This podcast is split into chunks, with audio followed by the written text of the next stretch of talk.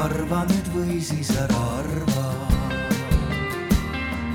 tere päevast, head infosõdalased ja infosõdade sihtmärgid. ma võin kihla vedada, et ühte neist gruppidest kuulume me kõik. proovime siis lähema pooleteise tunni jooksul teha nii, et saada aru, et mis see kahekümne esimese sajandi infosõda on, et miks ja kuidas seda peetakse ning millal saab ühest väga tavalisest inimesest infosõdur. kõik te, kõik hilinejad on teretulnud, leiavad oma mikrofonid ja tunnevad hästi. Äh, mõistagi pole infosõda mingi uuema aja väljamõeldis. sajandeid enne meie aja arvamist kasutasid sellist meetodit näiteks Hiina väejuhid ja julgen arvata, et ilmselt ei ole mitte ühtegi suurt sõda inimkonna ajaloos peetud ilma infosõjata. aga läheme nüüd asja kallale äh,. hakkan tutvustama esinejaid, alustades kolonel Peeter Tali, NATO strateegilise kompetentsikeskuse kommunikatsiooni kompetentsikeskuse asedirektor ja Eesti NATO ühingu liige. tervist Hannes Krause, riigikantselei strateegilise kommunikatsiooni juht ehk siit siis peaks saama aru, mida valitsus teeb. tervist. Vladimir Sazonov, Tartu Ülikooli kaasprofessor ja Kaitseväe Akadeemia vanemteadur. tere. ja Andrus Padar, kes ütleb, et tema on lihtsalt äh, küberkaitseliitlane, auastmelt kapten. tervist, head kuulajad Äh, mina olen Marika Lillemets, olen äh, NATO ühingul olnud äh, meedianõustaja ja seotud NATO ühinguga aastast kaks tuhat kuus.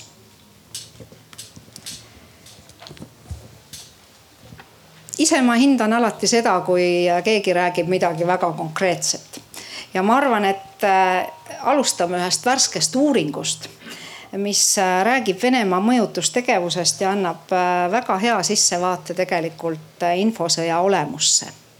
palun, Vladimir Sazonov. tere, tere kõigile.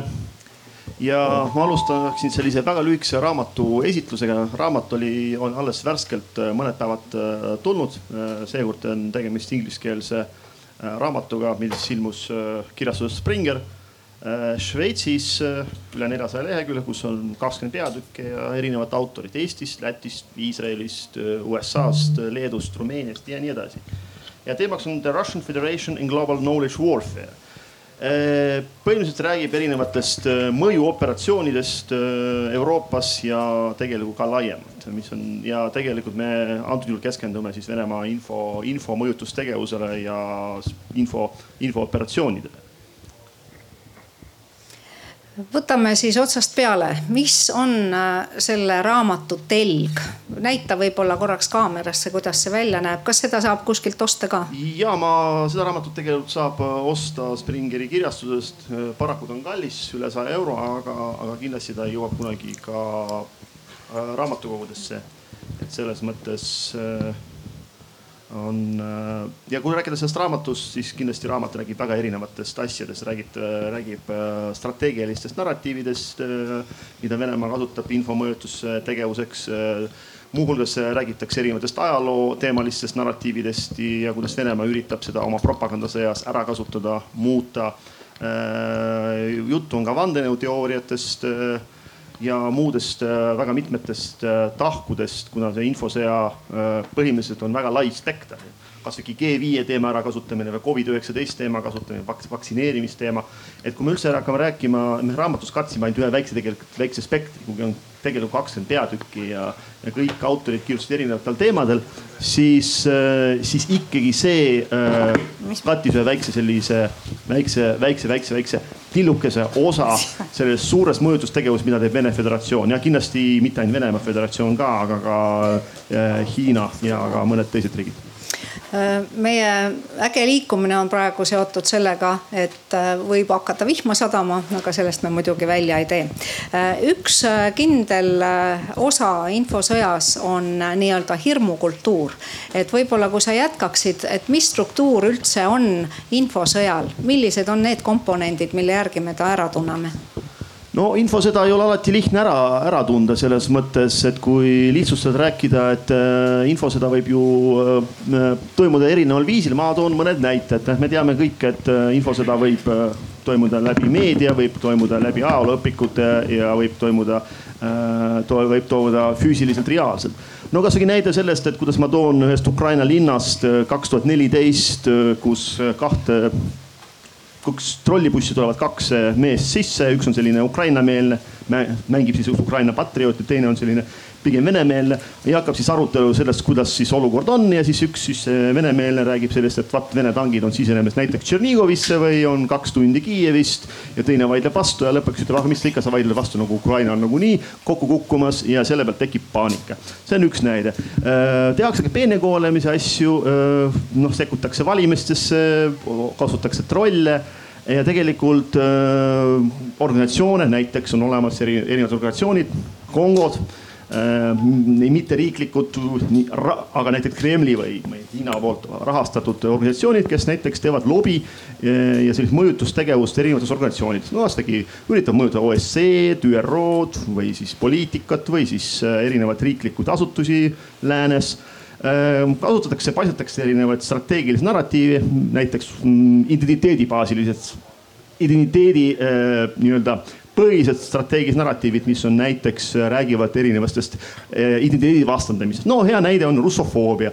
russofoobia kui vana siis igi, igivana relv, igivana selline propagandavahend tegelikult me esma, esmaselt on ta mainitud juba üheksateistkümnendal sajandil kui mina ei eksi, oli see, mm, oli Tutšev, kes oma kirjas tütrele mainis sõna russofoobia, see oli kusagil tuhande kaheksasaja kuuekümnendatel. see oli muidugi seotud äh, sellise asjaga, et kuna Krimmi sõjas tuhat kaheksasada viiskümmend kolm kuni tuhat kaheksasada viiskümmend kuus Venemaa sai lüüa, siis hakkas siis Vene eliit esimest korda süüdistama lääst kõikides äh, pahedes, sellepärast oli ka nõukogude ajal ja tänapäeval on selline narratiiv ka Euroopa ja et ja siis ka isegi Putin on öelnud, et Venemaa või, võitleb äh, Vene tsivilisatsiooni eest, Vene unikaalse hinge eest, Vene, et äh, lääs, halb lääs tahab seda rüvetada, see on niisugune strateegiline narratiiv. ja kindlasti räägitakse russofoobiast ja ka russofoobiast Baltimaades ja siis üritatakse vastandada näiteks eestlasi, lätlasi, leedukaid äh, ja siis siinseid, siinseid elavaid venekeelseid või siis seda tehakse ka teistes riikides. see on üks näide, neid näiteid on väga-väga-väga palju Äh, läheme üle Peetri äh, ametiala juurde ja küsime, et aga mis äh, on siis NATO vastus? jah, ma kõigepealt jätkaks sealt, kus doktor Vladimir lõpetas, et miks meie idanaaber teeb seda, mida ta teeb, et kas puhtast õelusest või?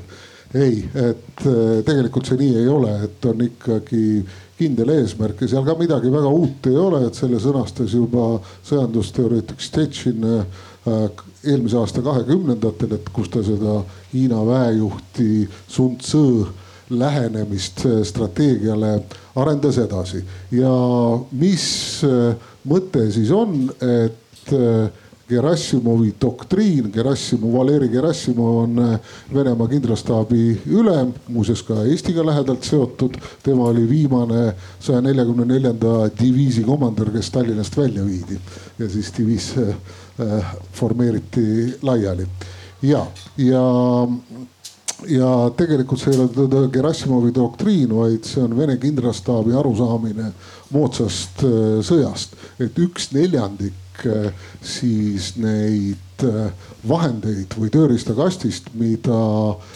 kasutatakse, et oma tahtmine saavutada, on sõjalised. Ja kõige lihtsam neid vahendeid meelde jätta on Ameerika kümne sendise kaudu, mille hüüdnimi on taim. Diplomaatia, informatsioon, military sõjaväe ehk siis sõjaline jõud ja E ehk siis äh, majandusökonoomia ja, ja, ja siis on üks asi, mille nimi on informatsioon protivoborstva, informatsiooniline vastasseis, mis siis kogu seda spektrit alates kriisi eskaleerimisest kuni deeskaleerimiseni katab. nüüd Venemaa lähenemises on riigid kogu aeg omavahel sõjas, see on normaalne seis, riigid on omavahel sõjas, sellist nullsummat win-win ei ole, et kogu aeg on surve. Teine lähenemine või teine, seda selline taktikaline lähenemine Vene lahingumäärustikest on see, et sa proovid kogu aeg ja kus vastase kaitse on nõrk, sinna sa paned kogu jõupingutuse, et siis läbi murda. ja mis on siis äh, siht, kui me räägime nüüd äh, sellest äh, jõu kasutamisest, et vahet ei ole, on see siis pehme diplomaatiline, majanduslik jõud või, või nüüd ka siis see välja toodud uus termin hübriid, mida me siin iga päev näeme meie lähinaabruses, ütleme nii, et strateegiline eesmärk äh, Venemaal on äh, lõhkuda ära rahvusvahelised organisatsioonid ja liidud. ÜRO või muuta see siis teovõimetuks. Euroopa Liit, NATO, operatiivtasand, lõhkuda ära riigi vahel, riikidevahelised liitlassuhted, näiteks Eesti, Soome, Eesti, Läti, Eesti, Poola, Poola, Leedu või siis tekitada ähm, lõhesid äh, ühiskondade sees ja mil viisil neid lõhiseid, lõhesid siis tekitada, on täitsa ükskõik. mehed, naised, õigeusklikud, luterlased, noored, vanad. peaasi on lõhkuda ära ühiskondade väärtusalus ja tekitada lõhed ja segadus, et siis täita oma päevakavaga ja siis taktikalisel tasemel muidugi toetada käimasolevaid operatsioone erinevate mõjutustegevuste ja kui soovite, siis ka, siis ka sabotaažiga. ja noh, on siin ka selline termin aktiivka ja no tuleb tunnistada, et, et Venemaa selles suhtes on päris osav ja Venemaa sõjalises doktriinis on selgelt kirjas, et selleks, et füüsilises keskkonnas edu saavutada, pead sa kõigepealt saavutama ülekaalu infokeskkonnas. ehk siis sihtriik tuleb moraalselt ära lõhkuda, sest ega siis Abrams tankid ei sõdi, sõdivad ikka mehed ja naised, inimesed. kui sa murrad tahe, tahte ära, siis nad ei sõdi. Nonii, mis selle teadmisega siis nagu peale hakata? Et nagu pikas plaanis on kaks sihtmärki äh, sihtmärki, et me räägime nüüd Venemaast ja kui aega on, jõuame kunagi hiljem võib-olla Hiinani ka. aga kaks sihtmärki, mida, mida siis äh, Putini režiim või Kreml silmas peab. üks on demokraatlikud valimised, ära lõhkuda need tehniliste vahenditega, moraalsete vahenditega, seada demokraatia kahtluse alla. toon ühe näite sekkumine valimistesse Prantsusmaal, Saksamaal, Ameerika Ühendriikides. paljas teadmine, et Venemaa võib sekkuda äh, Ameerika Ühendriikide valimistesse.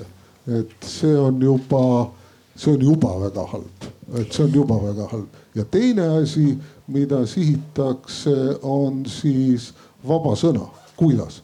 lõhutakse ära ajakirjandust, nagu meie seda tunneme, öeldakse, et noh, see on õukonnaajakirjandus, see on kallutatud, ei ole nii-naa ja luuakse kõrvale asjad, mis näeb, näevad välja nagu ajakirjandus, aga tegelikult ajakirjandus ei ole, et näiteks Sputnik, RT, mis on ikkagi otseselt mõjutustegevuse tööriistad ja, ja, ja Venemaa sõjaväelise poole nagu arusaamine ajakirjandusest või meediaruumist, see on nende jaoks lihtsalt relvasüsteem, seesama äh, Valeri Gerassimov kaks aastat tagasi pidas kõnet äh, äh, sõjateadlastele Moskvas ja ütles, et teate, et sellel infokeskkonnal ju selgeid piire ei ole. Ja seda me saame kasutada selleks, et kujundada ära inimmaastik meie sihtkoha riigis ja tegelikult on see kordades efektiivsem kui toores sõjaline jõud. ja nüüd see küsimus, et mis selle kõigega siis peale hakata või? Äh, kas NATO-l on olemas vastus, et me kuuleme NATO kontekstis väga palju heidutusest ja mõtled, et noh, et kui teisel on nii selge siht ja plaan silme ees, et mis sa seal ikka heidutad, et võitlevad ja võistlevad ju tegelikult narratiivid, lood selle küsimusega. Ma pärast tulen muidugi valitsuse esindaja juurde, aga esimese hooga küsin sinult, et mis see NATO vastus siis on? NATO vastus on äh, arendustegevus, et siia võiks punkti panna, aga, aga ma räägin nüüd äh, edasi, et äh, tegelikult NATO-s on selge arusaamine, et meie strateegilise kommunikatsiooni kompetentsikeskus on seotud siis NATO arendusväe juhatusega ja, ja la, moodsa sõja lahingukeskkonnad, mis NATO jaoks on selged ja sõnastatud on siis äh, maasõda, no see tuleb juba Urartu riigist jah, siis meresõda, õhusõda, mis sai prevaleerivaks ja väga oluliseks teises maailmasõjas ja siis just täpselt selles järjekorras. Kübersõda ja sõda kosmoses, et viisteist aastat tagasi NATO küberruumis sõdimine tundus, et ah, kuidas see võimalik on, see ei ole ju kellegi oma, et me ei saa ju midagi teha. täna NATO räägib juba tõsiselt ja ka NATO juhtriigid, mitte ainult, mitte ainult võrdne liitlane Eesti, ka küberheidutusest. ja praegu NATO arendab ja räägib kognitiivsest sõjaruumist või siis tunnetuslikust sõjaruumist, mis ei ole ainult tehnilised vahendid, vaid ka inimese psühholoogia, millest me jõuame rääkida.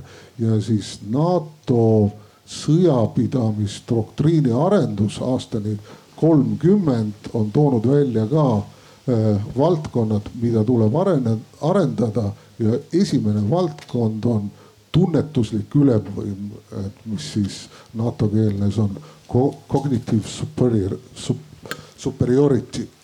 Äh, jah, et, et, et, et, et selles mõttes see asi, asi käib, aga jällegi, kuna see on väärtustel põhinev äh, äh, demokraatlike riikide liit, et siis selle lahenduse või ütleme, lahenduse sõnastamine võtab aega, et see on, see on tegelikult on see, tegelikult on see NATO tugevus nii, ma saan aru, et alles äh, kook küpseb, aga samas äh, lugu, mis äh, kaitseb näiteks meid võõra info vastu, mis tähendab ka seda, et see lugu peab olema usutav. see on, ma arvan, et ka üks osa näiteks riigi kantselei juures tegutseva strateegilise kommunikatsioonibüroo tööst aga on veel väga palju muud, sest infosõda teatavasti on võimeline ründama iga üksikut ja ka ühiskonda tervikuna. et äh, kuulaks siis, äh, milles seisneb teie roll, mis te seal siis teete ja kas Eesti on selles mõttes kaitstud, kuidas te rahule jääte? me siis vaatame ka, kuidas me jääme.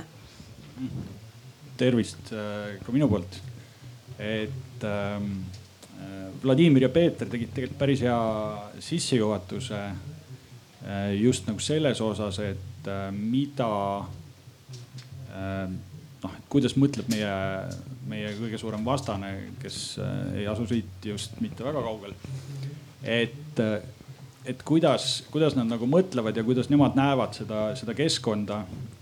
ja noh, ma arvan, et me ütleme ma ei hakka nüüd otseselt praegu võib-olla mingite elementidega nagu siin vaidlema, aga ma tahaks lihtsalt tegelikult alustuseks äh, teha selle pildi natukene laiemaks. Äh, ja miks on vaja pilti laiemaks teha, on siis nagu see, et äh, nii sina, Marika, kui ka siin eelnevalt tegelikult siin nagu viidati sellele, et noh, päeva lõpuks on ju iga inimene Äh, kes äh, tänapäeval informatsiooni tarbib ja seda nagu äh, selle abil oma otsuseid langetab, on ju. me oleme nagu selle, me võime nii-öelda nagu langeda selle infosõja ohvriks, on ju, kui, kui nii öelda. ehk siis, mis siis nagu tegema peaks ja seda, seda asja seega ütleme nagu riigi vaatenurgast tuleb vaadatagi nagu inimese vaatenurgast ja ja inimese vaatenurk tegelikult toob siia sisse selle asja, et, et kui meie vastane kasutab meil, meie vastu eelkõige sellist tööriista, mida siis rahvusvahelises kõnepruugis tuntakse desinformatsiooni või disinformation nime all. siis tegelikult nagu viimastel aastatel on äh, nii-öelda akadeemilises uurimuses äh, sel teemal hakatud rääkima ka on, on toodud sisse selline mõiste, mille kohta võiks öelda infokorratus ehk et et äh, mingi selline üleüldine fenomen ja noh, panete tähele, ma siin väldin siin äh, piinlikult proovin vältida igasuguseid mõisteid nimega fake news ja nii edasi. et ja infokorratus, mida ta siis tähendab, ta tähendab sisuliselt seda, et tänapäeva informatsiooniline keskkond on iga inimese jaoks äh, muutunud nii keeruliseks ja kompleksseks, et äh, et sul ütleme, sul on väga keeruline juba nagu teha vahet ja, ja, ja tegelikult ka riigil on, on väga keeruline teha vahet sellel, mis asi on siis lõpuks see desinformatsioon. ja tegelikult sinna juurde ehk palju suurem osa sellest informatsiooni mürast või seda, mis noh, nii-öelda lõppkokkuvõttes igat inimest äh, mõjutab või siis ka mõiste inforeostus, mida on sisse toodud äh, moodustab tegelikult see, äh, mida, ähm, kus sisuliselt kasutatakse neid samu vahendeid, äh, neid samu vahendeid, millest, äh, millest siin juba räägiti meie vastase puhul. ja, ja seda kasutatakse lihtsalt mingitel muudel eesmärkidel, on see siis kommertseesmärgid äh,, poliitilised eesmärgid ja nõnda edasi, nõnda edasi. ehk et tegelikult, kuhu ma nagu jõuda tahan, on see, et kui riik tahab olla efektiivne äh, selle selles keskkonnas siis oma inimestele mingisuguse äh, nagu kaitse pakkumisel, siis tuleb seda fenomeni vaadata tervikuna, et äh, noh, nii-öelda ma väidan, et, et probleemist äh, see, millest rääkisid Vladimir ja, ja Peeter, et see moodustab probleemist ainult kolmkümmend protsenti. et, et probleem iga inimese jaoks on, ma arvan, märgatavalt laiem ja seega peab ka riik pakkuma välja alati nii-öelda tegevused ja tööriistad, mis on mis üritavad tegeleda just nimelt nagu anda inimesele endale äh, vahendid ja tööriistad, kuidas äh, ennast ise kaitsta. No meediainimesena mina olen pannud tähele, et ikkagi haridus on asja alus, et kui inimesed on õpetatud ajakirjandust lugema, meediatooteid eristama ja oma peaga mõtlema, siis nendest nii käbedalt ei saa ei infosõdureid ega ka sõjavälja ohvreid. aga mida teha nende põlvkondadega ja natukene seda juba tänapäeval koolis õpetatakse, mitte küll igal pool, aga valikainetena on siiski meediateadlikkuse kursus olemas et äh, see on üks osa asjast, aga usaldusväärsus on kõige tähtsam, sest äh, nüüd ma tulen äh, kaitseliitlase juurde, kes mulle ütles meie vestlust ette valmistades, et ei noh, kõik on ju ülilihtne, et tegelikult tädi Maali peab aru saama, mis asi see on ja kuidas sellega ringi käia, et palun põhjenda. aitäh, head sõbrad ja kõiki teemasid saab käsitleda hästi detailselt, põhjalikult, eh, lausa metoodiliselt teaduse mõttes, aga äh, alati on võimalik ka selline lihtsam käsitlus. ja minu arust arusaamist võib-olla aitab see, et infosõda on oma loomult ju iidne nähtus, seda teeb ju ka loomariik. no mõtleme jooksuaja peale, mis toimub. suur isakaru aprilli algul ärkab üles, kraabib nii kõrgele kui ulatub, eks ole, puutüvele Äh, kriimud sisse selleks, et näida kellegina. ja see, miks me ise seda infosõda peame, on see, et me just tahame lasta maailma paista sellises valguses, nagu meile soodne on. See on nagu mikrotasand, see võib-olla terminoloogiliselt, eks ei ole päris sama asi see, kui me räägime nüüd riikide huvidest ja strateegilisest infosõjast või operatsioonilisest infosõjast, aga oma loomuselt, et ma kuvan infot, ma näitan ennast teisest küljest. noh, lähen peole, tõmban hästi kitsad püksid jalga, et ma olen tegelikult hoopis selline ka see on natukene mingi infoga manipuleerimine. väga palju me näeme ju valimiste eel seda, kus näidatakse ennast, oi kui head meie oleme ja kui viletsad ja kehvad on teised ka see on mõnes mõttes infosõja sarnane. ja nüüd mõelge, et kui neid samu instrumente kasutavad riigid oma huvide jaoks, et täpselt niimoodi see käibki. et nagu mõistmiseks on see hea lihtne. me mäletame kunagi kooli ajal pidime lugema Mark Twaini raamatut, kuidas ma kandideerisin kuberneri kohale tollal nõukaaja inforuumis, mis oli hästi kitsas, meil oli väga vähe kanaleid, siis tundus ikka uskumatu ja tõepoolest see kapitalistlik maailm selles väga kitsas vaatenurgas tundus halb. kui me täna loeksime sedasama raamatut, siis me tajume nähtust hoopis teisiti. nii et me kõik paratamatult osaleme, me peame oma infosõda, aga me osaleme ka selles suures mängus, mida teised meiega teevad. sest meil on emotsioonid emotsiooni köetakse tihtipeale üles äh, ajakirjandusest, millest lugejad tihtipeale teevad pealkirjanduse.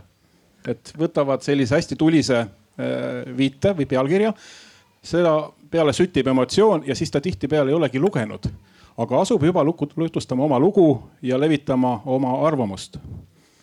nii et tahame või ei taha, me ikkagi seda teeme ja just emotsioonide pinnalt sageli no ütleme niimoodi, et äh, tehniliste ja tehnoloogiliste võimaluste paljuses, mis on äh, täna äh, tunduvalt suurem, kui oli kümme või sada aastat tagasi, on loonud olukorra, kus tegelikult ühest küljest on tekkinud need kõlakojad, ah, mis ma sul Olliga ikka vaidlen, ma olen selles grupis, kus kõik arvavad ühtemoodi ja siis hakkab tekkima maailmapilt, mis ongi nagu ainult ühte, ühte auku nii-öelda. ja, ja teine pool on siis see, et, et väga keeruline on tegelikult teha vahet päris teadete agentuuri info ja näiliselt väliste märkide järgi absoluutselt identse teadete agentuuri info vahel. kusjuures üks on võib-olla nii-öelda tehnoloogiliselt toodetud trollide äh, automaat, võiks niimoodi öelda, eks ole, ja teine on siis ajakirjanike poolt kontrollitud äh, sisu. et kas siin on näpunäiteid ja võib-olla ka midagi, mis jäi ka selles kontekstis veel ütlemata, andke aga märku ja räägime ja ma tahtsin äh, tegelikult iga sõna, hea sõnavõtu ähm, eeltingimus on see, et sa pead alati olema nagu eelkõnelejatega nõus, et ma olen, ma olen Padariga kindlasti siin nõus. sellepärast et, et, et noh, tihtipeale on väga keeruline, kui me räägime nagu kaasaja infokeskkonnast või siis äh, infosõjast, teha nii-öelda nagu vahet, et kuhu sa siis tõmbad selle joone. et mis on legitiimne kodumaine poliitika ja, ja kuskohast algab siis ikkagi noh, lõpuks nagu see, et mis asi ei ole nagu päris okei okay.. ehk et, et see, ma väidan, ei ole nagu noh, enam nagu otseselt kommunikatsiooni küsimus, see on nagu rohkem sihuke, ma arvan, kodumaise poliitika küsimus. aga see selleks. Ähm, ma tahtsin tegelikult äh, jätkata veidi seda, et mis ma, mis ma ennem ähm, äh, sisse, noh, kuhu mul, kuhu ma natuke nagu pooleli jäin, on siis nagu see, et äh, mida riik saab teha ja, ja siin mulle aga väga meeldis see, kui siin eelnevalt toodi sisse see, et, et, et, et just noh, mida peaks tegema vanema põlvkonnaga, et ma kunagi käisin ühel konverentsil, seal öeldi, et, et Facebook läks halvaks sellel hetkel, kui sellega liitusid viiekümne aastased et, et, et see nagu noh, ma ei taha siin kedagi solvata, aga noh, see nagu see on minu jaoks selle noh, nii-öelda kuidagi tegi natuke nagu maailma selgemaks, et, et ah, et okei okay,, et ka seda probleemi võib ka niimoodi vaadata. aga, aga ühesõnaga, mis siis teha, on siis nagu see, et äh, tuleb ja seda me oleme ka Eestis teinud. Äh, riik võiks inimestele pakkuda siukseid nii-öelda vahendeid, mille abil ennast ise harida. näiteks üks asi, mille me nüüd siis eelmine sügis ja nüüd sel kevadel välja töötasime koos Eesti MTÜ sektori ja siis ähm, ühe väga olulise küberettevõttega on siis selline asi nagu desinfotest.ee ähm,. ma ei tea, kas seda saab äkki siia ava, avalehte ekraanile lasta.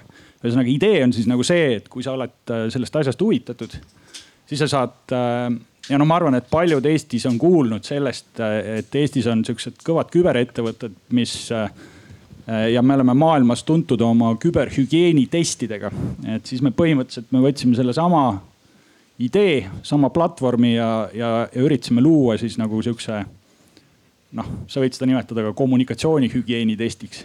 Ehk et kuidas nagu ära tunda igasuguseid asju, täpselt see, mida sa rääkisid iga, iga mehe abimees nii-öelda, et kes äh, tahab aru saada, et mis siis äh, kuskilt teda ähvardada võiks ja vaadata, et kuidas ta sellele on reageerinud või kuidas ta seda suudaks eristada. just ja noh, selles mõttes, et kuna äh, asi põhineb siiski Eesti äh, maailmakuulsate küberettevõtete platvormidel, siis on nagu küsi-, siin ka tuleb kindlasti registreerida, aga noh, see on puhtalt turvalisuse kaalutlustel siin on kõikidel nüüd näpud püsti, alustame siis äh, Sasoono. ja ma olen ka nõus eelkõnelejatega, et tegelikult see on, kõik on väga õige ja tegelikult lisaks nendele mm, on olemas ka erinevad ju portaalid.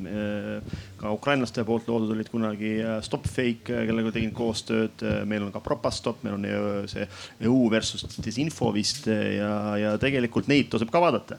Ehm, siin ehm, oli selline küsimus, et kuidas neid agentuure või libaagentuure tuvastada. tõesti, mõnikord on seal libaagentuuril kõvem kodukas, seal on väga kõvad nimed.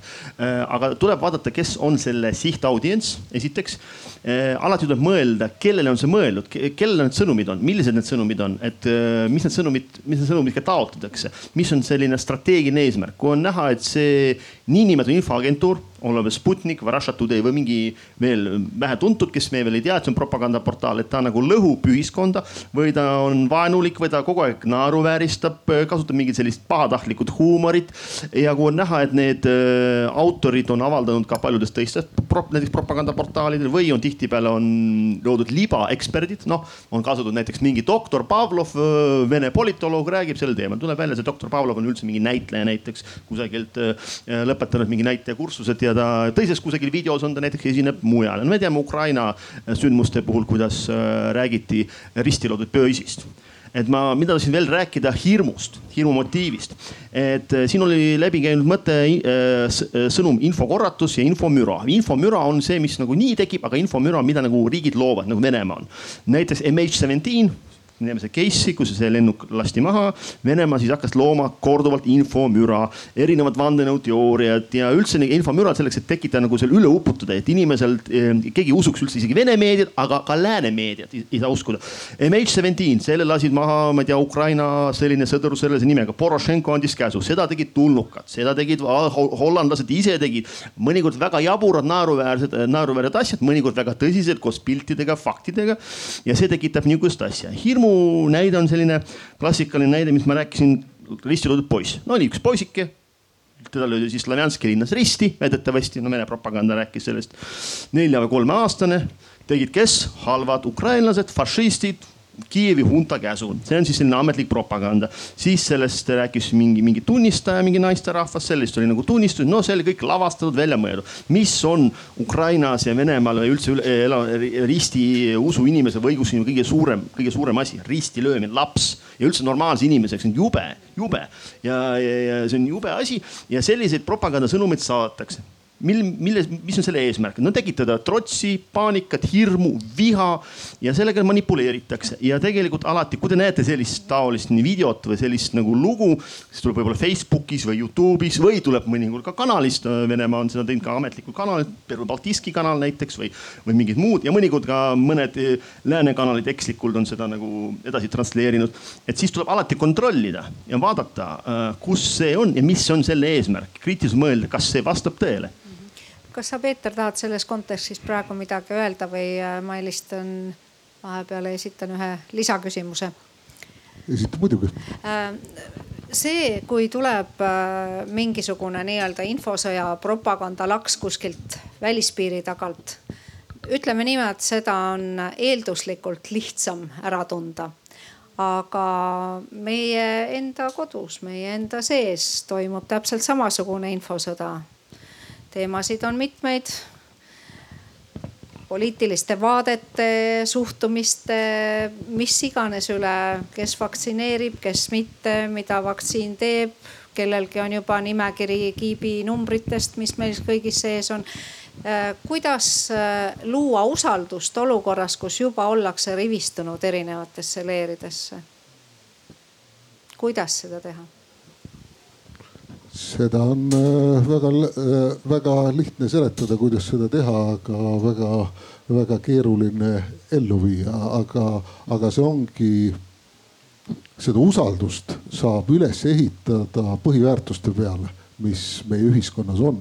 Ja, ja nagu jalaväelahingus või tankilahingus on üks äh, tähtis punkt, mida sa pead iga hinna eest kaitsma, sa ei tohi seda ära anda, sa võid muidu mida iganes teha.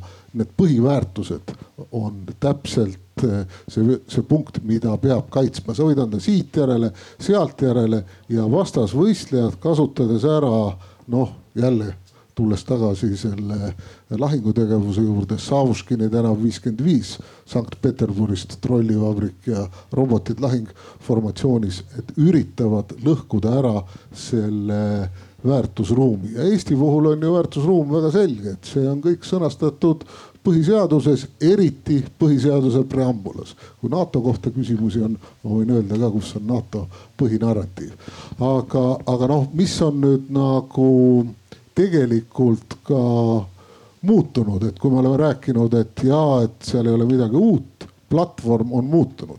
et me elamegi nüüd globaalses külas, mida ennustas eelmise sajandi kuuekümnendatel Marshall McLuhan, kes tegelikult ei olnud marssal, vaid oli Kanada ühiskonnateadlane et me elamegi globaalses külas ja põhimõtteliselt see platvorm tehnoloogia on niimoodi muutunud, et ma arvan, et üsna lähitulevikus, et iga üksikisikut saab sihikule võtta, et teda mõjutada.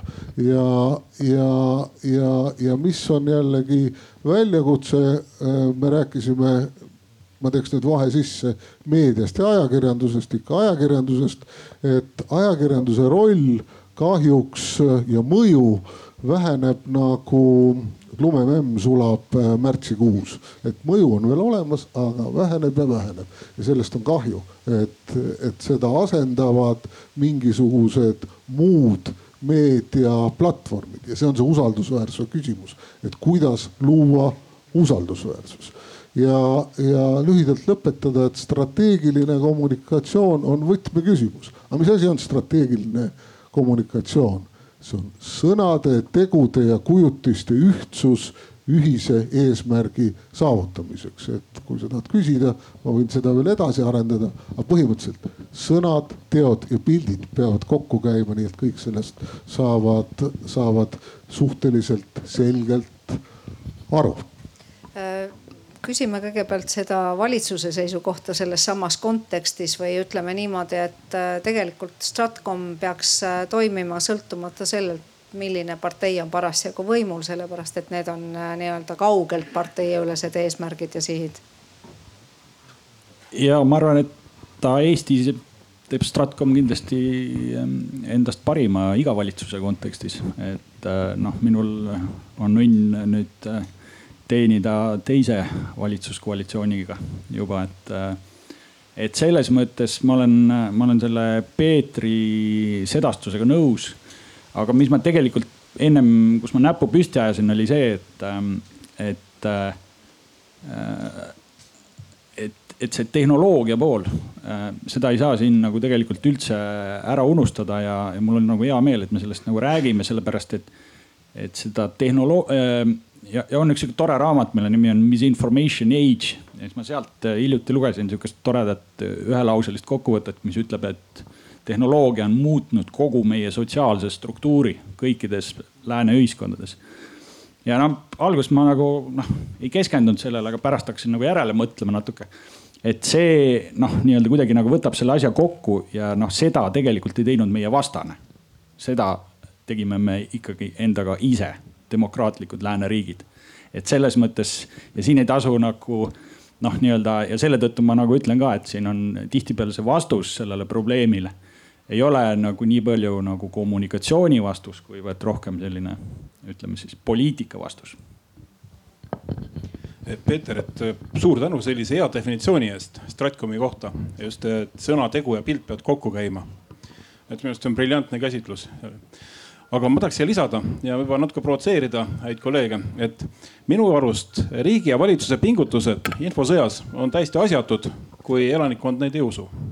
ja seetõttu ei saa valitsus omale lubada valetamist. kui vahele ei jää, võib-olla läheb õnneks, aga kui ja ükskord tulevad ikkagi välja. ja teiseks kui auditoorium, on nad oma riigi elanikkond või sihtgrupp, mingi vähemus meil, kui nad saavad aru, et tegu ei ole sõnumiga, vaid propagandaga, siis seda sõnumit enam ju ei võeta tõsiselt. pro või kontra?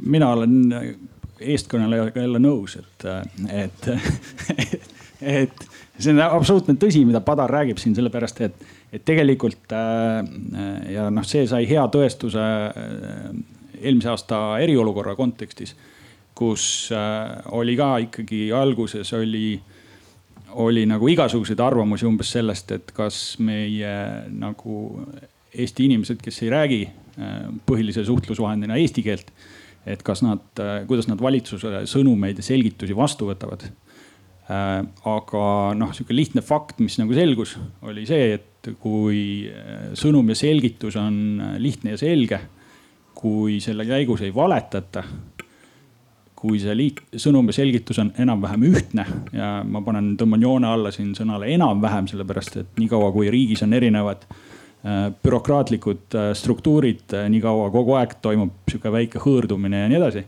see on tegelikult, ma arvan, normaalne ja seda me oma, oma struktuuriüksusega üritame ka kogu aeg nagu sirgeks triikida aga et kui see asi on nagu enam-vähem ühtne ja see, kui see on kättesaadav selles keeles, mida need inimesed räägivad, siis see noh, tegelikult jõuab kohale. seda kinnitas ju ka fakt minu arust, kui ma õieti mäletan, et selle eriolukorra ajal, mis oli eelmine kevadel, eh, oluliselt suurenes ju venekeelse riigimeedia vaadatavus see tähendab, et justkui indikeerib seda, et. avalik-õiguslikku, ma parandaks. jah, tänan, et kui on ikka päriselt raske aeg, siis inimesed heidavad eh, teatud jamad kõrvale ja tegelevad tõsiste asjadega ja mõtlevad ka rohkem kriitiliselt ja ma olen, ma olen ka eelkõnelejatega nõus, et riigi tasandilt valetamine, see on sama hea nagu tuumalöök oma vägede pihta või, või siis jõe forsseerimine pikki jõge. et erinevad taktikalised lahendused võivad töötada, aga see, need kindlasti kumbki ei, ei tööta. aga noh, jälle see, see meie psühholoogiline eripära või me oleme inimesed ja me oleme Äh, väga emotsionaalsed ja meile meeldib lugusid jutustada, lugusid kuulud, kuulda ja, ja uskuda. ja see teeb meid, see annab meile tugevuse, aga see teeb ka meid natukene haavatavaks, et meile meeldivad äh, muinasjutud ja, ja, ja seda üritatakse ka ära kasutada.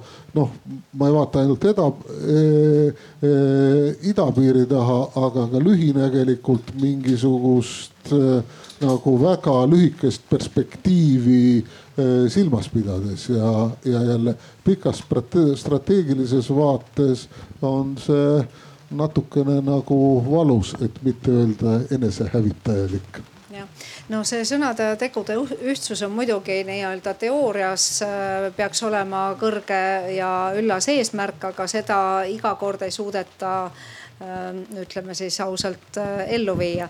näiteks ma olen tegelenud viimasel ajal vanemaealistega ja näiteks eelmise aasta kevadel, kui riik teatas, et teie nii-öelda eesti.ee meilile on tulnud teade, mida te tegema peate, siis uskuge mind, kümned tuhanded inimesed ei saanud isegi sellest lausest aru, rääkimata sealt edasi.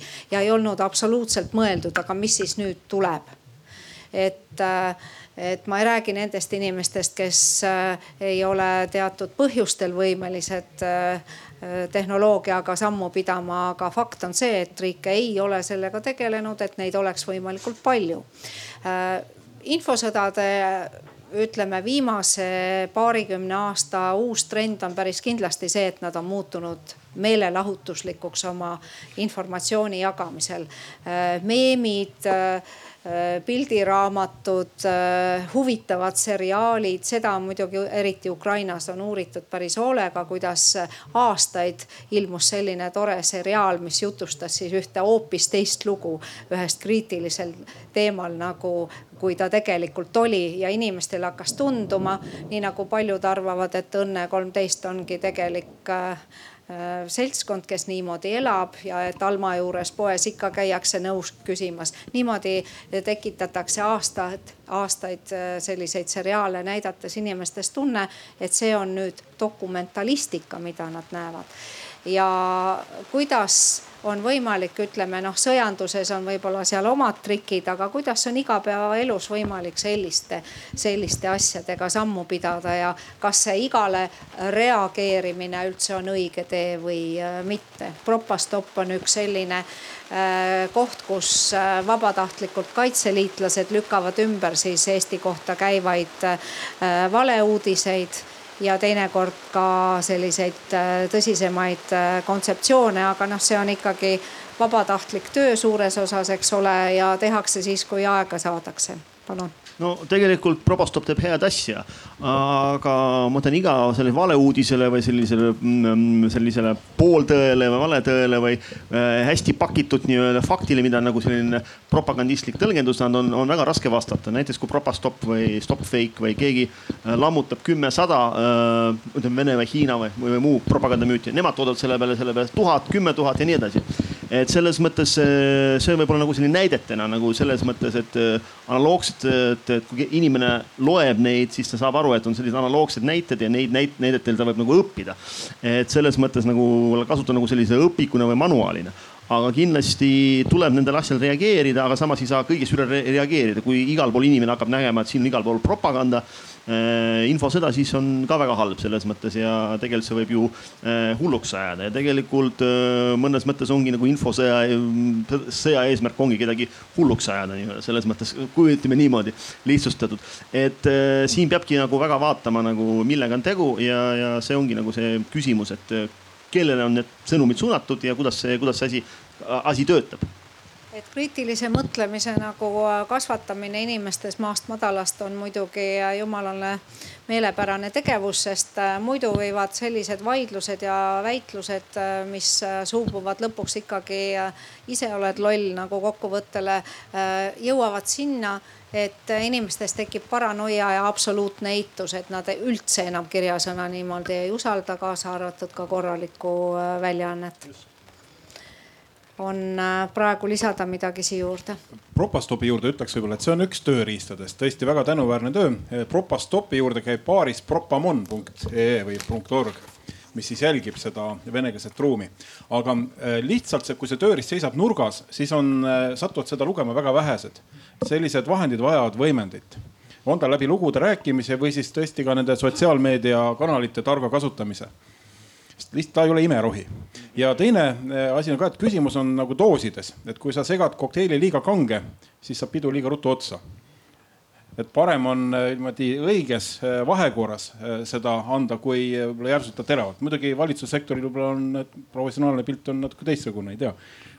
ei ja nüüd ma ei, nüüd ma otseselt ei nõustu Padariga, aga no las ta olla, aga et, äh, et tegelikult äh, ma ennem tahtsin sisse tuua ja tahtsin reageerida hoopis sellele, mida Marika eelnevalt ütles, et äh, just see dimensioon, et noh, nagu, et infosõda ja need, need asjad ja ka ja sellest tulenevalt ka lahendused peavad olema meelelahutuslikumad, et noh, siis sel kevadel me, kui see platvorm, mida ma ennem tutvustasin, see desinfotest.ee, see on selline noh, ütleme selle tarbimiseks ja selle normaalseks, selle enda töö, enda kasuks tööle panemiseks on ikka ütleme vaja, vaja pool tundi või, või ütleme pool tundi kuni tund, aga noh, pool tundi on iga inimese jaoks ikkagi noh, seda on keeruline leida.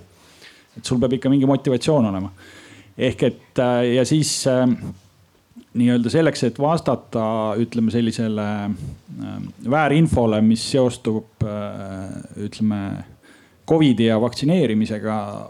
me siis äh, tõstsime eesti keelde sel kevadel ühe lahenduse, mis on ennast tõestanud juba UK-s ja Hollandis. mille nimi on siis Go Viral Game, ma ei tea, selle võib, jah, see on juba ekraanil ka ehk et äh, see on selline tore platvorm, soovitan kõigil proovida, äh, mis siis, äh, mille on välja töötanud, mis on välja töötatud, mille sisu on välja töötatud Cambridge'i ülikoolis. ja selle asja nagu point on põhimõtteliselt siis see, et kuida-, et õpetada ja just nimelt jutumärkides õpetada inimesele seda, kuidas temaga sotsiaalmeedias manipuleeritakse ja kuidas tegelikult ehk et sisuliselt sa võid seda tööriista ja seda, seda veebimängu sisuliselt vaadata ka kui nii-öelda vastase või siis ütleme vaenulike äh, mõtteviiside ja, ja sellise käsitluse õpetamist inimesele, aga, aga läbi selle põhimõtteliselt see paralleel, mida kasutada, ongi võimalik inimesi vaktsineerida. et see inimese enda kriitiline mõtlemine ja arusaam sellest, kuidas minuga tegelikult äh, noh, nii-öelda on võimalik manipuleerida ja kuidas seda tehakse, tegelikult suureneb. jah äh, ma natuke lisaks nagu sel teisel teemal, et äh, hakkasin mõtlema, tegelikult ju infosõda on siht sageli muidugi planeeritud, aga, aga väga palju on oportunistlik. Me räägime ka nagu sellise Putini režiimis oportunistlik, et kasutada iga, iga sellise tekkinud olukorra, noh Covid üheksateist, mis, mis on praegult maailma vallutanud paraku pandeemia, sellest tekkinud kriis. ja me näeme, et sellised revisionistlikud riigid, kelle eesmärk ongi nagu mm, kolonel Tali ütleski, et lõhkuda, lõhkuda siis julgeolekuarhitektuuri, mõjutada ja tegelikult läbi selle laiendada oma mõjusfääri ja tekitada võib-olla sellega nagu sellist nagu äh,, sellist nagu endale kasulikku olukorda ja näiteks Vene Föderatsioon on levitanud selleks strateegilist narratiivi eri, eri, läbi erinevate kanalite. noh, üks on siis nagu rääkisin identiteediga seotud, aga samas on ka sellised Covidiga, Covidi äh, alal, ajal mm, tekkinud probleemid, noh majanduslikud probleemid eelkõige, et noh, et Eesti, Läti, Eesti, Läti, Leedu majandus ei saa hakkama, Euroopa Liit ei aita teid, majandus kukub läbi. no näiteks Läti kohta toodi selline narratiiv, et pool Läti, kus on suured majanduslikud probleemid ja Covid tekitab väga palju töötuid. et Läti tasuks nüüd mõelda selleks, et võib-olla taastada strateegilist partnerlust Venemaaga. et äh, see on ka üks näide, et tegelikult äh, äh tekib mingi olukord, ükskõik või näiteks kriis, pandeemia ja siis infomanipulaatorid on juba seal. nagu tulevad nagu mesilased mee peale ja juba, juba töötavad selle kallal. et sellega tuleb alati arvestada, et et noh, nad muidugi otsivad selliseid äh, olukordi või isegi üritavad luua, aga kui selliseid äh, ei õnnestu luua või ei ole, siis on, siis kasutavad ära. noh, Covid-19 ongi selline hea näide või see vaktsiin Sputnik viis ja kogu, kogu seotud selle infomüra, mida siis nagu on tekitatud äh, Vene Föderatsiooni infomõjutuskanalite kaudu.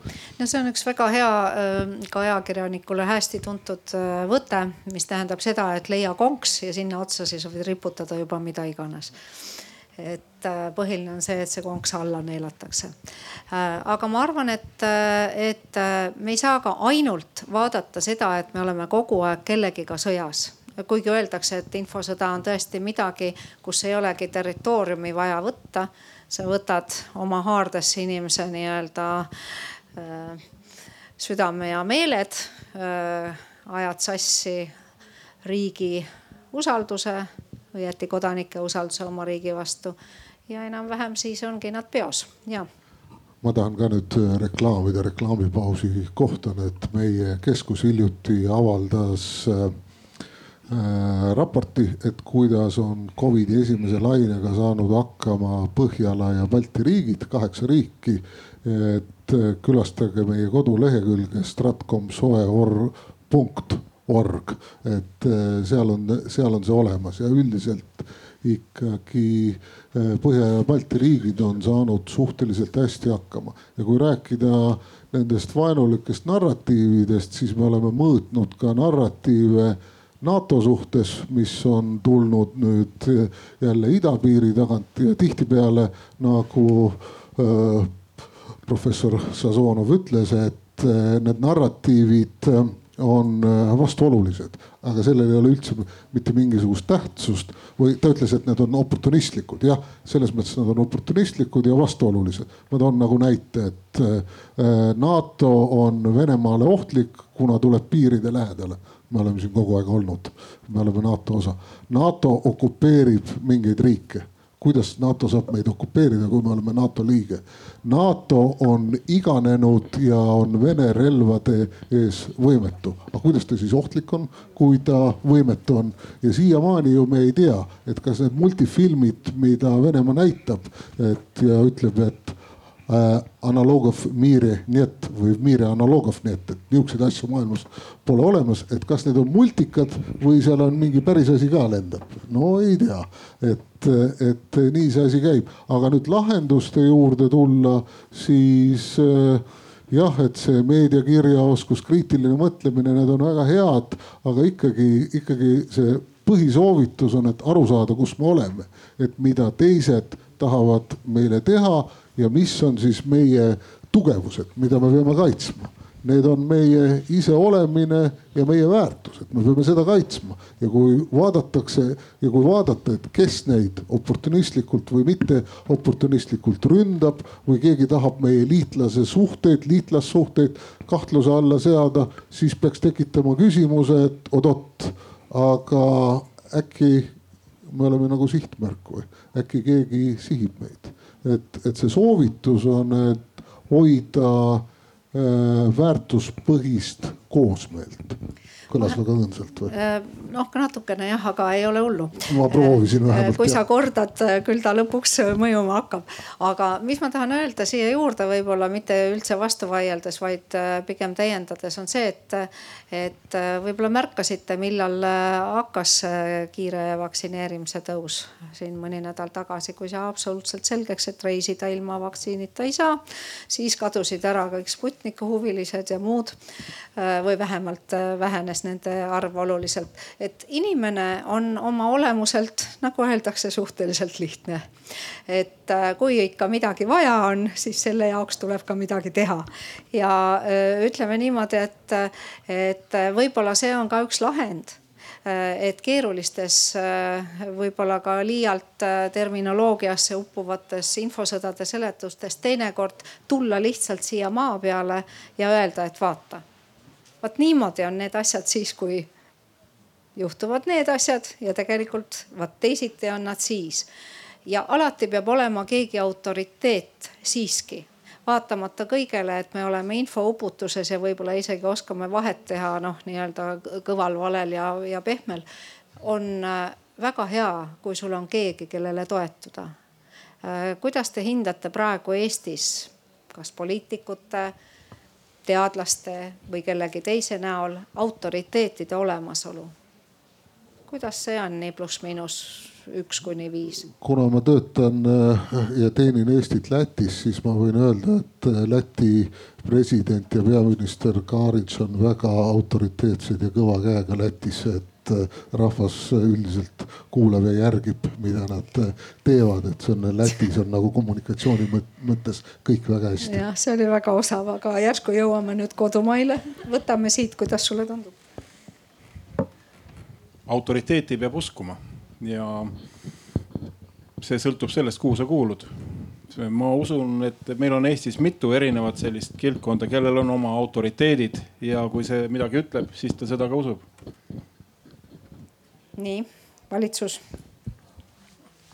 no lähtuvalt oma ametist ma ei saa nagu ütleme det, det, detailis sellele praegu vastata, aga mille, millele ma saan viidata, on nagu see, et ähm, mida me ju mõõdame ja mida siin riigis ju juba pikalt on mõõdetud, on ju valitsuse institutsioonide usaldusväärsus ja noh, see tegelikult, ma arvan, sellele koroonale on ju tegelikult nagu vastu pidanud teadlasena ma sekundeerin ja vastan sarnaselt, et eelkõige ma muidugi usaldan teadust ja, ja, ja head teadust ja head ja kolleege ja, ja ei usalda ebateadust ja kindlasti ka sellist äh, head usaldusväärset informatsiooni, kui tuleb see valitsuselt ja sellist kommunikatsiooni, äh, koalitsiooni. Selles mõttes, et, et ma olen nõus eelkõnelejaga, aga jah, lisaks ma teadlasena ütlen, et mind huvitavad teaduspõhine lähemine ja, ja, ja ma üritan nagu võib-olla liialt teaduslikult mõnikord läheneda asjadele, võib-olla ei tasuks, aga aga, aga samas see aitab.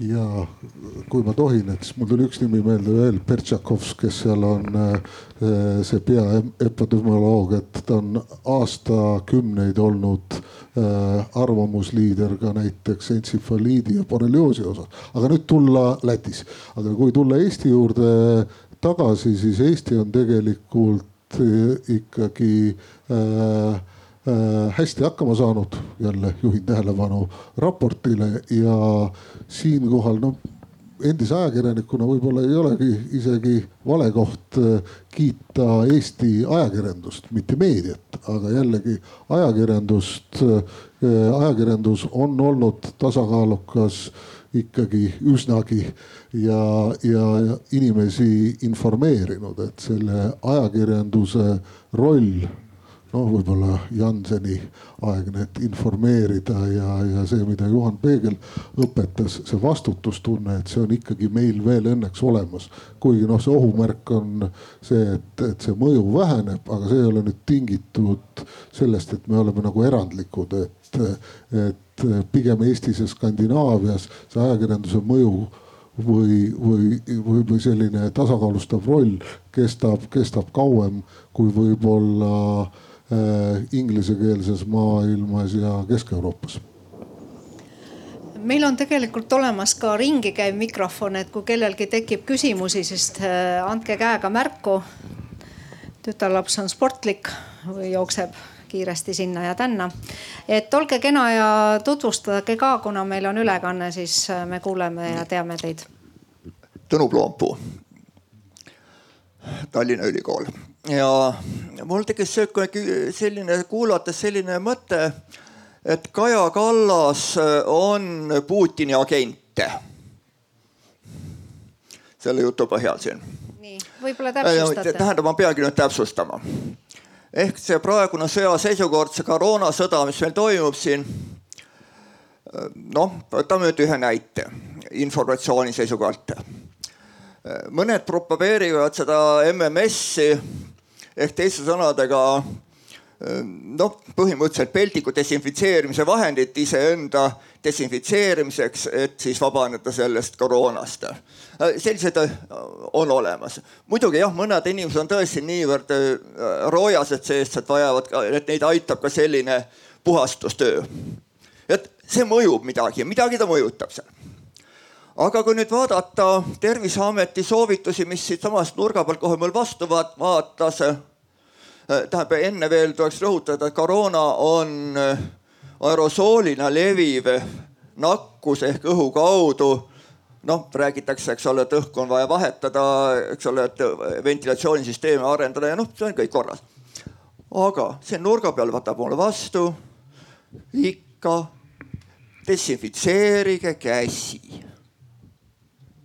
jah, tõsi, see mõjus. Äh, soolenakkusi oli eelmisel aastal vähem natukene kui tavaliselt. aga seal ei ole midagi pistmist koroonaga.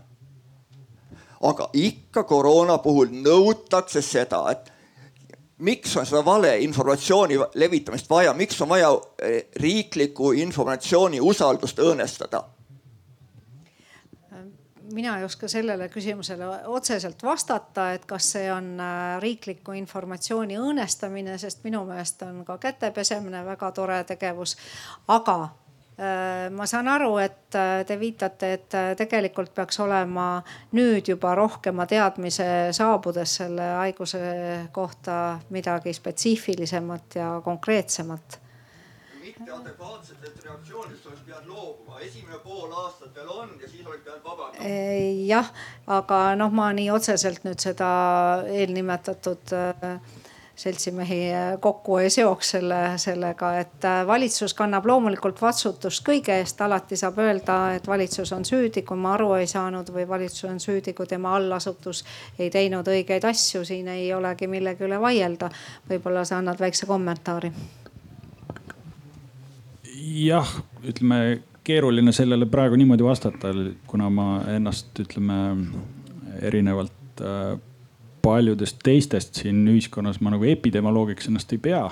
aga, aga selles mõttes äh, sihukest äh, sõnumi ebaselgust ja nii edasi, et noh, absoluutselt on ette tulnud.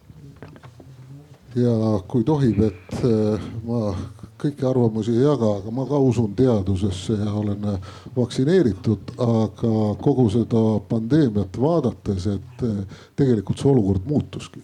et see on nagu lahinguks valmistudes, te peate tegema plaani, kuidas lahingut võita või vähemalt ellu jääda. kui te kohtute vastasega, siis eh, teie plaan on tõenäoliselt vasakule ära, aga siis te peate kohanduma ja ikkagi üritama seda suurt eesmärki saavutada, mis on kas võita või, või ellu jääda et äh, informatsiooni tuleb, tuleb juurde ja, ja olukord muutubki, aga jah, et äh, aerosoolide suhtes jah, noh, mis ma oskan ikka öelda, et usaldame teadust. võib-olla see on ka sihuke hea kaasus praegu, mis me arutame, et ega meil on igaühel õigus oma veendumusteks ja usku ja veendumust me faktide ümberjutustamisega nii lihtsalt ei muuda, küll aga läbi kogemuse.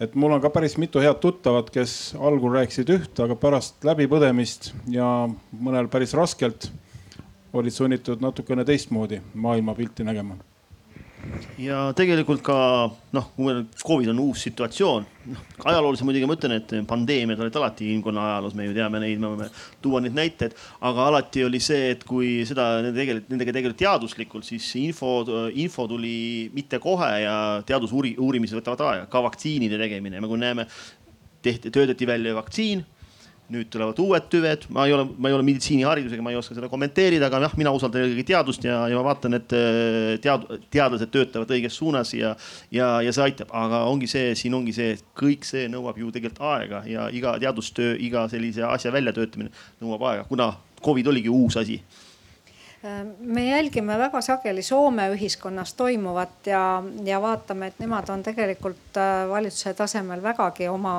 asja eest väljas. et neil on, äh, Soome valitsusel on näiteks selline asi nagu turvalisuse strateegia ja seal on äh, julgeoleku tegevussuunana kirjas psühholoogiline kriisitaluvus. et katsutakse õpetada oma inimesi psühholoogiliselt kriise paremini taluma ehk lihtsalt öeldes, et iga tühja asja pärast ei lööks verest välja. et kui palju sellist äh, kommunikatsioonitööd ja siin on väga palju räägitud sellest, et ainult äh, keskelt tulev info seda ei päästa, et see peab olema regionaalne töö ja grupisisene töö ja igal pool, et kui palju meil sellega tegeldakse?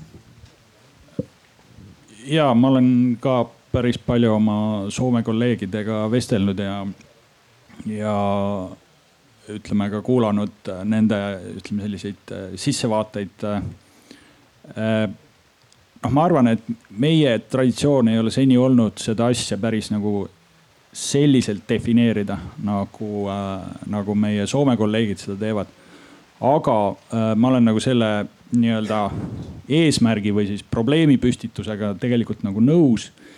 ja mida näitas näiteks eelmise kevade eriolukord äh, on, on ka nagu see, et äh, see noh, et kui, kui sa ütled, et keskselt ei, äh, et keskselt tulev informatsioon tingimata ei, ei päästa päeva, siis võib-olla siis, siis mida, kuhu nagu meie jõudsime, on see, et sul on vaja ühtedest ja selgetest sõnumitest lähtuvalt noh, siis ütleme kontrollida seda, mida nii-öelda riik välja annab.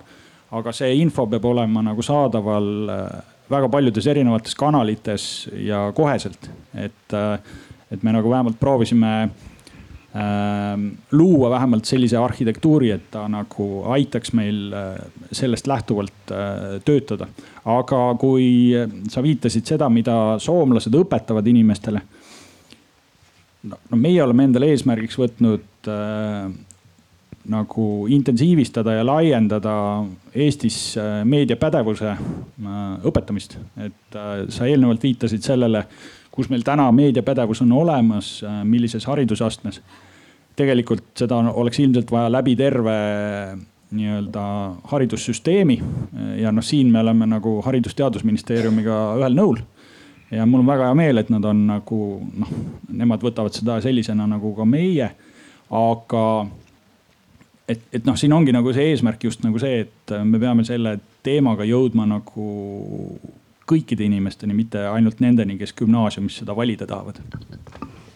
Ja üks märkus, et laiapindse riigikaitse üks sammastest või üks osa on ka siis strateegiline kommunikatsioon. Hannes parandab mind, kui ma eksin.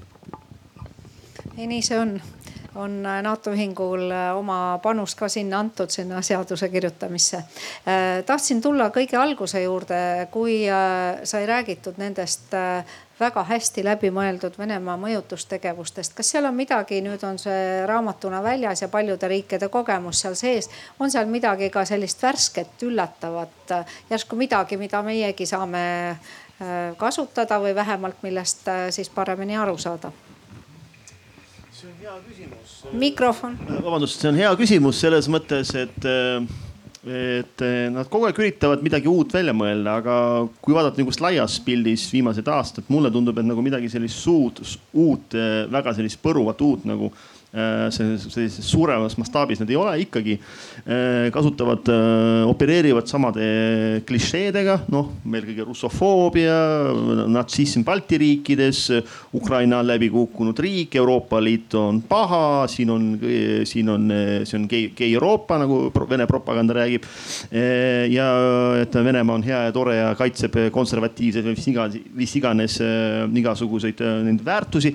Et jah, kindlasti mingid sellised äh, väiksemad nagu nipid või sellised, ähm, sellised asjad nagu on, on tulnud. Ja kindlasti nad kasut-, nagu ütlesin, kasutavad olukordi, tekkinud olukorda nagu Covidiga ja siis ka levitavad seda hirmu ja paanikat, mida on ka siin tehtud, näiteks ka Baltimaade suhtes on räägitud, et valitsuste kommunikatsioon on halb. näiteks Leedus või, või see on läbi kukkunud või demograafiline kriis, suureneb, inimesed põgenevad koroona, koroona pärast või mis või, või siin on, kõik on kehvasti või siis Venemaa on humanitaarabiga tulnud appi, appi, appi aitanud Eestit, saatnud siin oma lennuki. tegelikult see lennuk oli hoopis renditud, aga, aga sellist nagu valet ja sellist eh, ja erinevat disinfot on eh, tehtud. kuigi mina ei näe siin midagi sellist, mingit totaalselt uut nagu selles mõttes.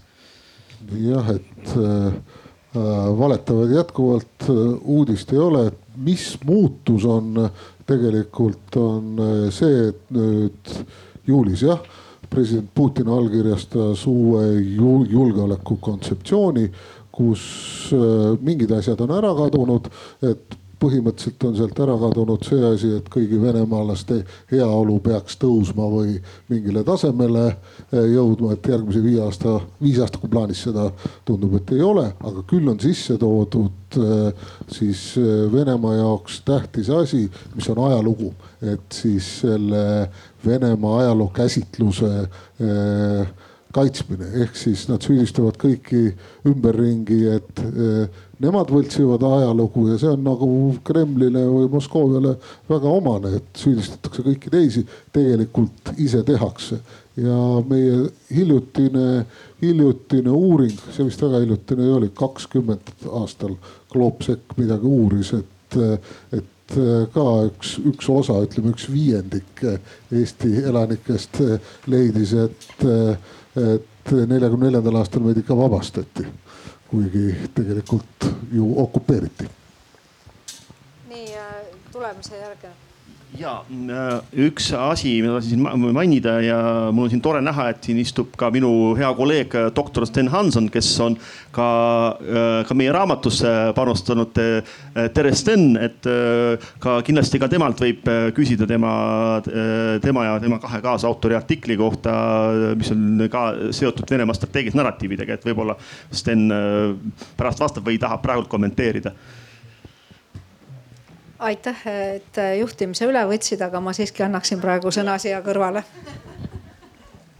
ja aitäh, ma tahtsin tegelikult, äh, mulle väga meeldis see, mida, mida Vladimir eelnevalt äh, nagu välja tõi, et äh, noh on, on noh, kui sa igapäevaselt või iganädalaselt vaadata seda, mida nad seal toodavad, siis noh, tegelikult saab hästi aru, et noh, nad on ju äh, Äh, lihast ja luust inimesed. Äh, neil on, nad lähevad hommikul tööle, võtavad tassi kohvi või teed, onju. Neile on, neile on antud ülesanne midagi toota, onju. ja siis äh, noh, ja on nagu tajuda seda, et ühel hetkel ikka hakkab nagu leidlikkus otsa saama, kui aga aga siis mulle erakordselt meeldis eelmisel sügisel ja, ja noh, tegelikult sel kevadel Äh, noh, kogu see operatsioon, mis on toimunud Sputniku ümber, selle vaktsiini ümber, siis mitte selle äh, moodustise ümber, mida me, mida mõned ka ajakirjanduseks proovivad tihtipeale nimetada. ehk et ühesõnaga, kus siis äh, minu jaoks hea näide oli, tore näide oli, oli siis see, kui oli see vist niimoodi, et, et toodi, toodi Narvast inimesi, keda siis üle piiri hakati vaktsineerima Sputnikuga ja noh, mis oli nagu otsast, otsast lõpuni nagu läbinähtav infooperatsioon, siis äh, noh, see nagu päris nii ei lõppenud, kuni kui nad nagu tegelikult, tegelikult ise olid vist planeerinud, et, et see nagu inglise keeles öeldakse, they didn't think it all the way through. Et, et ja siis teine sihuke tore episood oli see, kui nad olid, ähm, kui eelmine sügis või oli see hilissügisel, kui siis Äh, Vene konsul äh, ise, oli ta vist konsul või oli ta mingi teise konsul jah. Ähm, läks ise vabatahtlikult ähm, Ida-Virumaal siis vaktsineerima lääne vaktsiinidega. ja, ja see esimene mitteõnnestunud äh, Sputnikuga vaktsineerimine oli selles mõttes fiasko, et kuna Euroopa Liit ei ole Sputniku veel tunnustanud, siis see ei loe nimelt, kui sa oled Eesti Sputnikuga vaktsineeritud siin küsitakse. ja ma tahaks enne kui lõpetame, et siin on väga palju vene äh,. okei okay,, vabandust, unustasin tutvustada. Diana Paudel, tegelen noorte digiharimisega, kommunikatsiooni ja küberturvalisusega aga jah, me räägime Sputnikust, me räägime Vene propagandast, aga ma ise olen ka natukene lootuse andnud, et kuskil see nelikümmend plussi enam väga muudad. aga me saame muuta noori, me saame muuta neid, kes on viisteist, kakskümmend, kakskümmend viis aga nendele jõuavad need kõik valeinfo manipulatsioon mitte otse Venemaalt, aga see jõuab kõigepealt USA inforuumi ja sealt edasi kõigi nende kaudu siia et mida me saame selle jaoks teha, et võib-olla järgmisel põlvkonnal oleks lootust, kui meie enda põlvkond on natuke juba võib-olla hiljaks jäänud. me kindlasti ei ole hiljaks jäänud. siin võiks äh, meenutada Sofi Oksaneni, et meie vaikimine ei kaitse meid ja tõesti noortega, võib-olla me isegi küberi mõttes oleme tegelenud tehniliste oskustega, aga jätnud selle inforuumi teema veidi unarusse ja mina ütleks, et noh, lahendus on äh, täpselt ühelt poolt haridussüsteemis, aga teiselt poolt ka selles ähm, ütleme, tuleb nagu loovalt äh, ja siin ma vaatan ennekõike meie, meie kolmanda sektori poole, et tulge ja pakkuge äh, lahendusi, mille teie olete välja töötanud. hea näide see desinfotest on ju, kus siis riik saab õla alla panna ja teeme üheskoos midagi ära ja, ja nagu näited on näidanud, siis erasektor tuleb ka punti seesama, et äh, tuleb äh, ringiga tagasi nii-öelda välismaalt. Äh, seda on kasutatud aastakümneid sellist trikki ja tegelikult selle äratundmine on ka üks osa selle meediapädevuse tõstmisega seotud haridusest. ja võin tuua ühe näite, et mis oli kaheksakümnendatel, et Vene eriteenistused istutasid Indiasse kuskile pea suht olematusse Äh, väljaandes ajalehte tol ajal. Teadmise, et HIV on välja töötatud äh, Ameerika laboris ja sealt paisati ta siis tiiruga maailma ajakirjandusse ja siiamaani kakskümmend protsenti ameeriklasi usuvad, et see on Pentagoni laboritest, mis on muidugi puhas vale, aga, aga kus see lahendus on, et seda olukorda kirjeldada, siis ja, et need suured gigandid, tehnoloogiagigandid võtavad otsapidi meediaturult äh, raha ära. No räägime siin Facebookist, Google'ist, kellestki veel. Ja asemele pakuvad äh, nagu kaost. Ja me oleme seal Riia strateegilise kommunikatsiooni keskuses äh, paar eksperimenti ka läbi viinud, et kuidas nad siis üritavad ennast reguleerida. ja, ja ega see reguleerimine neil väga ei õnnestu. et äh, me viisime ka läbi eksperimendi, kus äh, uurisime, et kas on olemas sotsiaalmeedia manipuleerimise must turg selgus, et ei ole, et see turg on täitsa olemas, et see ei ole must turg, et sa saad äh, kõike osta ja võimendada ja see töötab, et Äh, robotid võimendavad või siis väiksed filipiinlased, kelle tööjõud on odav. Ja huvitav oli see, et, äh, et seda turgu kontrollisid, ehk siis need mootorid olid loodud Venemaa inseneride poolt ja ettevõtjad olid ka venelased.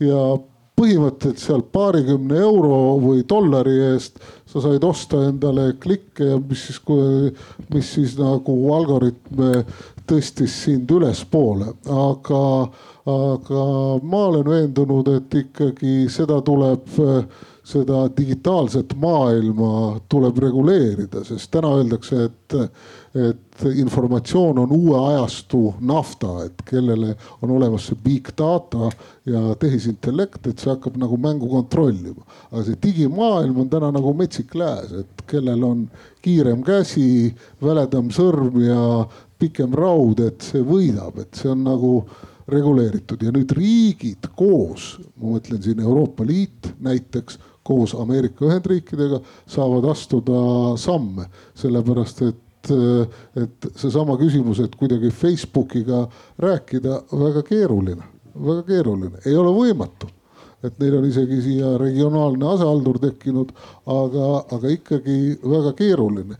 Ja tegelikult nüüd need kompaniid on hakanud ka aru saama Äh, ma ei julge nüüd äh, väita, et need meie paar aastat tehtud eksperimendid, kõigepealt tegime eksperimendi siis Facebook ütles oi, me parandame, järgmine aasta tegime uuesti, ei olnud mingit vahet, oli umbes samamoodi, aga, aga võib-olla need äh, Ameerika kongressis kuulamised, uue valla, vaja, Valge Maja uue administratsiooni äh, mitte surve, aga pigem lähenemine äh, ja, ja ka Euroopa Liidu selline järjekindel aeglaselt edasiliikumine ja, ja kindlameelsus, et noh, kasvõi maksustada ja reguleerida, et, et neil pikas perspektiivis peavad olema tulemused, sellepärast et härra Zuckerberg saab ju ka lõpuks aru, et, et tema raha võidakse sealt ju ka ära võtta nii, siin ma pean natukene õpetajana nüüd parandama, et noored väga Facebooki ja Zuckerbergiga enam üldse ei suhtle, et nad on rohkem Discord, TikTok, Reddit ja kõik muud.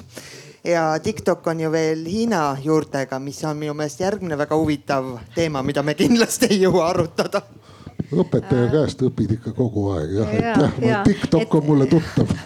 et päris kindlasti on neid, neid äh, platvorme sadu, aga küsimus ei ole, mis konkreetne platvorm on, küsimus on printsiipides ja need on kõik sarnased. järgmine küsimus. Äh, tere, ma olen Jaak, ma olen Ida-Virumaa eestlane ja ma esiteks tahaks äh, just tuua välja selle, mida tõi välja ka moderaator natuke aega tagasi. et nii ohver kui see instrument on ikkagi inimene ja kes on kõige vastuvõtlikum, kes tahab, kes otsib neid sõnumeid, see on inimene, kes on jäetud üksi, kes on, keda on alt veetud.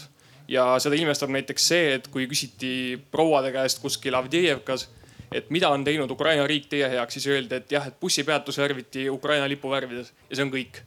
et äh, see noh, see lihtsalt on nii, et äh, infosõda osa sellest on ka sotsiaalpoliitika, hariduspoliitika. täpselt see, et kui meil tekib äh, pettunud, nördinud, kriitiline inimene siis ta on väga palju vastuvõtlikum äh, igasugusele alternatiivsele käsitlusele, ütleme nii. et kui inimene, kellel on äh, Kohtla-Järvel hea elada, tal on energeetiku palk, tal on hüved, järsku äh, taandatakse, eks ole, laotööliseks ja kommunikatsioon riigi poolt on väga segane, ta ei saa aru, miks nii juhtus, siis see tekitab automaatselt pinnase rahulolematuseks. ja see oli mõte ja nüüd küsimus, et mida saaks teha, et inimesed, kellel on autoriteet kellel on mingi mõjupositsioon, poliitikud, äh, ametnikud, institutsioonid riigis, et nende strateegiline kommunikatsioon paraneks, sest et me oleme ju näinud, kuidas äh, tuntud poliitikud kordavad mingeid Venemaa narratiive, kuidas näiteks täna tuli uudis, et riigile kuuluv Tallinna lennujaam võttis maha näituse, et nad pole apoliitilised. hea küll, nad pole, aga kui näitus on ülesse pandud, siis peaks mõtlema ka sellele signaalile, mida annab näituse mahavõtmine et kui see näitus poleks seal olnud, see ei oleks küsimus, aga nüüd, kui võtta see näitus maha, mis siis rääkis äh, kannatavatest naistest Minskis, siis see on nagu väga tõsine ämber minu meelest. ja noh, see ei käi ainult lennujaama kohta, vaid see käib ka parteide, äh, igasuguste muude institutsioonide kohta üldiselt äh, kohe vastavad vastajad.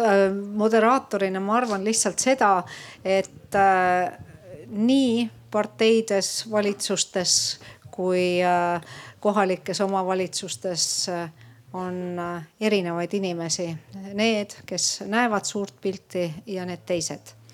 ja eriti valimiste lähenedes aeg-ajalt need teised suudavad tekitada sellise õhkkonna ja survestada neid, kes suurt pilti näevad, et tekivad rumalad otsused. palun. ja et ma võin jagada ühte näidet Lätist ka, et seal kuskil keegi elas kuskil kaugel, põhimõtteliselt keset ei miskit.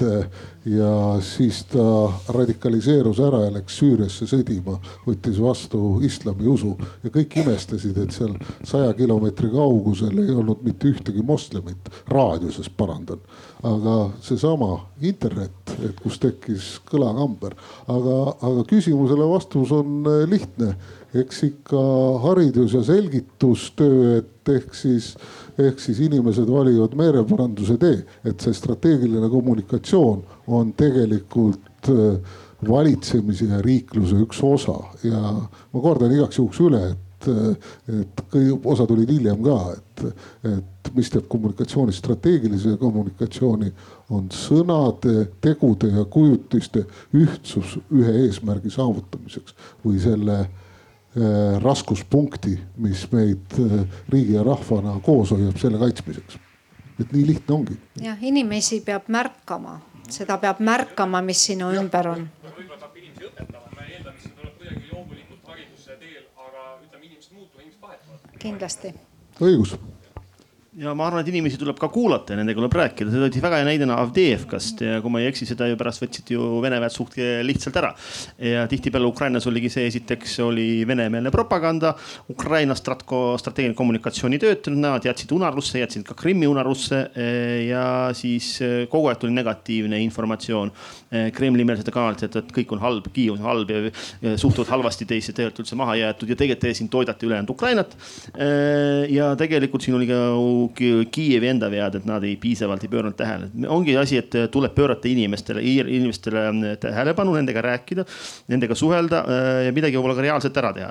siis inimese usaldus kasvab, mitte ainult see, et me harime inimesi või me, ma ei tea, teeme neile kursused või ma saadame, ma ei tea, ilusa, anname mingi laadige ilusa äpi selle kohta, kuidas tehes infot äh, alal. see on kindlasti kõik väga kasulik, aga, aga ongi suhtlus ongi väga oluline selles mõttes annaksin siiapoole ka korraks sõna